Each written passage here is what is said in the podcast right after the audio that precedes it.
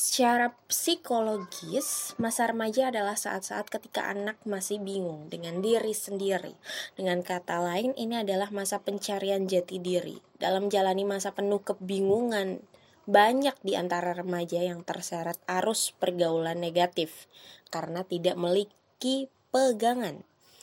Bentuknya bisa berupa kenakalan remaja hingga tawuran antar pelajar yang merenggut nyawa manusia.